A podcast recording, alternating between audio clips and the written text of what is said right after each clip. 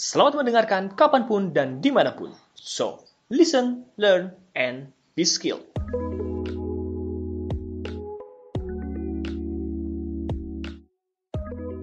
Mbak Tania ini kan menjalankan family business di bidang fashion, hijab, dan kosmetik. Uh, gimana sih cara Mbak Tania uh, sama keluarga untuk tetap berkomitmen secara profesional? Ini kan family business gitu ya, jadi kayaknya antara profesional kadang kita ke keluarga itu suka nggak enak gitu. Suka nggak enakan ada nggak enakan ada ini gitu. Nah apa aja nih do and don'ts dalam family business versi mbak Tania Oke, ini menarik ya karena aku itu termasuk orang yang pada awalnya dulu memilih jalur women career itu karena memang aku tidak mau terlibat dalam family business awalnya Mas Koko. Jadi kayak um, dalam bayanganku tuh enggak lah aku enggak enggak mau melibatkan atau mencampuri antara urusan keluarga dengan urusan bisnis karena terlalu risky bagi ya, aku seperti benar. itu. Tapi iya memang uh, challenging kan. Nah makanya akhirnya pada saat mu, awal mau mulai pun aku juga lihat-lihat nih kayak misalnya aku kan bertujuh bersaudara ya. Nah kita juga harus melihat apakah kita memiliki visi maupun karakter yang sama gitu dengan partner bisnisnya nanti gitu.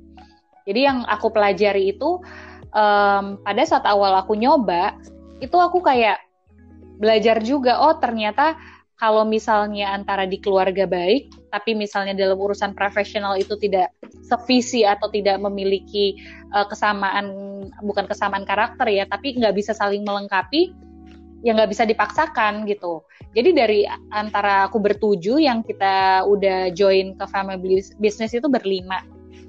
Nah, awalnya nih join semuanya gitu gabung, tapi pada akhirnya sambil jalan tuh kayak kita relook lagi, oh jangan deh nih ternyata dengan kita semua nyampur tapi nggak sevisi, itu malah mendamage hubungan yang lebih long last gitu hubungan adik kakak. Karena kan ini family businessnya bukan meneruskan bisnis keluarga, tapi kita sebagai generasi pertama yang membuatnya gitu ya. Jadi um, pada akhirnya kita nih yang berlima, kita pecah perusahaan, Mas Koko. Jadi kayak kita tahu ini kurang sehat kalau kita paksakan terus-terusan, akhirnya um, kita berjalan berdampingan aja. Jadi saling uh, ngejagain satu sama lain, tapi nggak dalam satu organisasi yang sama. Akhirnya saya dan adik saya, yaitu Haikal dan Marsha, kita membuat satu perusahaan lagi gitu. Yang saya pelajari bagaimana cara membuat supaya family business ini berjalan dengan baik selain yang tadi saya sebutkan, kita tuh harus punya goalsnya dulu. Tujuannya ini mau ngapain sih bikin bisnis ini? Nah ini harus disepakati bareng dulu sama semuanya. Satu tujuan nggak?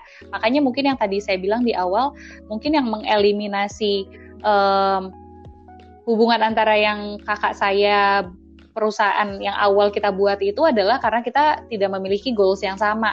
Nah makanya goals itu menjadi penting pada saat kita udah memiliki family business yang pengen dijalankan bersama harus sama dulu goalsnya.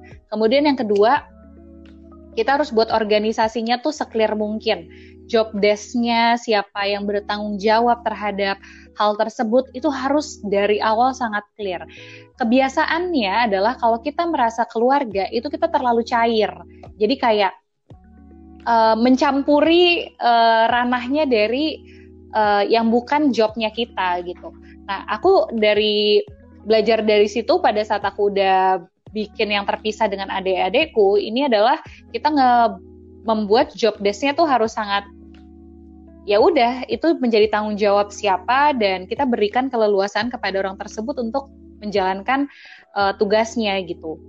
Terus yang terakhirnya juga kita ada uh, communication channelsnya itu harus dibedakan. Jadi misalnya kalau kita membicarakan tentang urusan kantor, profesional, kita harus memiliki channels yang berbeda. Misalnya soal WhatsApp group aja ya, karena kan sekarang juga komunikasinya memang ya udah WhatsApp group sebagai salah satu media yang utama juga gitu ya.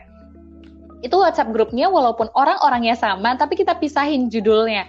Kalau di uh, urusan kantor ya kita namain nama kantor gitu ya, begitu itu family ya kita ngomongin yang urusan family. Jadi walaupun misalnya kondisi di kantor itu lagi agak tegang misalnya atau lagi serius tapi begitu kita harus ngobrol sebagai adik dan kakak di WhatsApp grup yang satunya lagi itu kita harus secair itu dan harus bisa memisahkan antara hubungan keluarga dengan urusan yang ada di kantor.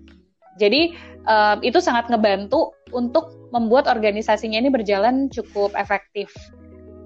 Dan yang terakhir, sorry tadi bukan yang terakhir. Yang terakhir adalah kita harus uh, review juga, kayak misalnya apakah um, apa yang sudah kita tentukan di awal itu udah masih relevan nggak dengan apa yang sedang terjadi saat ini?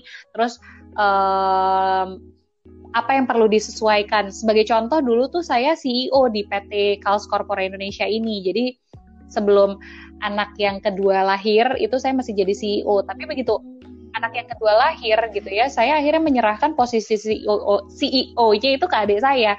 Karena yang pertama, belum berarti kakak itu selalu mendapatkan posisi yang paling tinggi. Dan dia juga belum tentu harus yang dapat benefit paling besar. Dan belum tentu juga dia yang paling skillful dan juga bisa melakukannya. Jadi makanya akhirnya kita selalu melakukan review dan di akhir tahun kemarin akhirnya aku melihat kesanggupanku dan prioritasku juga kayaknya nggak bisa dipaksakan untuk berada pada posisi tertentu.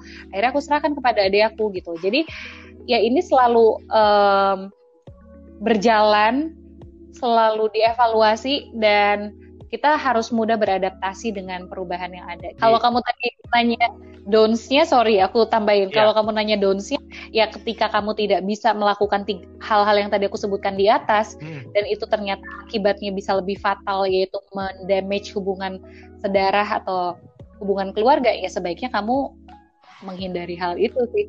Iya. Benar jadi dan yang paling penting adalah dalam melakukan bisnis uh, keluarga itu adalah harus punya satu visi yang sama satu tujuan yang sama baru semuanya bisa dijabarin